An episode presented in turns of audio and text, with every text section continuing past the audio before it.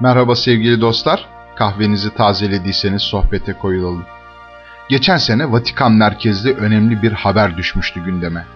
Papa 16. Benedik 28 Haziran 2008 ile 29 Haziran 2009 arasını 2000. doğum yılı anısına St. Paul yılı olarak ilan etmişti Hristiyan dünyasında. Papa 16. Benedik tüm kiliseleri bu önemli din adamını ve öğretilerini hatırlatan girişimlerde bulunmaya çağırmıştı. Hristiyan dünyasında özel bir önem arz eden 28 Haziran'dan itibaren yılı etkinlikleri hareketlenmeye başlıyor tüm dünyada. Asıl ismiyle Sol, İsa'nın 12 havarisinden biri değil aslında. Hatta başlangıçta bir Hristiyan bile değil. Üstelik hayatının ilk dönemlerini Hristiyan düşmanı bir Yahudi olarak yaşar Sol. Dönemin yaygın inanışına göre Tanrı sadece Yahudilere aittir. Bu sebeple Hz. İbrahim'in Tanrısının tüm insanların Tanrısı olduğunu iddia eden İsa ve ona inananlara karşı büyük bir kıyım vardır dünyada. Sol'de Hristiyanlığın erken dönemlerinde Hz. İsa'ya inananları cezalandırmaya giderken Şam yolunda hayatını değiştiren bir mucizeyle karşılaşır. Hz. İsa ona görülür ve Sol'ü Hristiyanlık saflarına çeker. Bu karşılaşmadan etkilenen Sol bir süre sonra ismini bir Roma ismi olan Paulus'la değiştirir. Hazreti İsa'nın öğretisini yaymak için müthiş bir mücadeleye girişir. Hristiyanlığı yayma çabalarını özellikle Yahudi olmayan hatta pagan inanışları olanlara yönelik olarak yürütür Paulus. Daha çok İncil'i halklara müjdelemek için haberci rolünü üstlenen Paulus, hayatı boyunca bilinen üç önemli gezi yapar Doğu Akdeniz kıyılarında.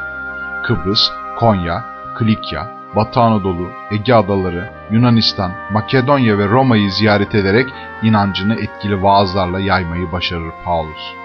Aziz Petrus'la birlikte kurduğu kiliseler ve İncil'i yaymak için gösterdiği insanüstü gayret ona azizler katında yer açar. Neredeyse tüm kiliseler tarafından İsa'nın havarisi olarak anılır St. Paul.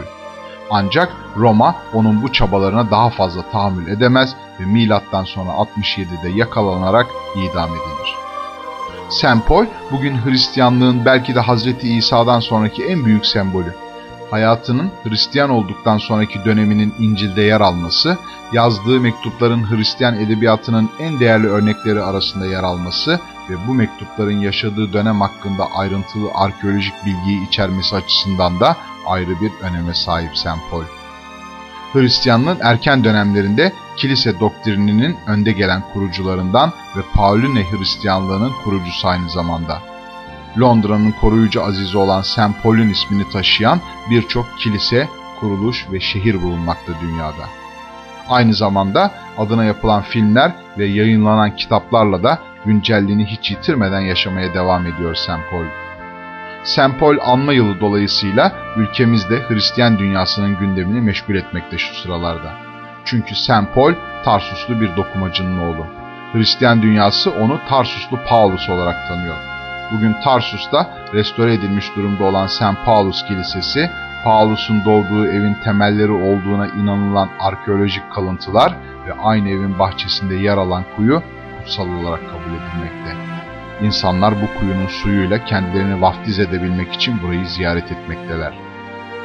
Zenginliğimizin ve gerçek bir kültür mirasına sahip olduğumuzun farkına varabilmemiz, kendimizi ve medeniyetimizi anlatabilmemiz için büyük bir imkan var elimizde. Umarız konuyu basit bir turizm getirisi fırsatı olarak görme yanlışına saplanıp kalmayız. Bir dahaki buluşmamıza kadar kahveniz sıcak, sohbetiniz koyu olsun. Sevgiyle kalın.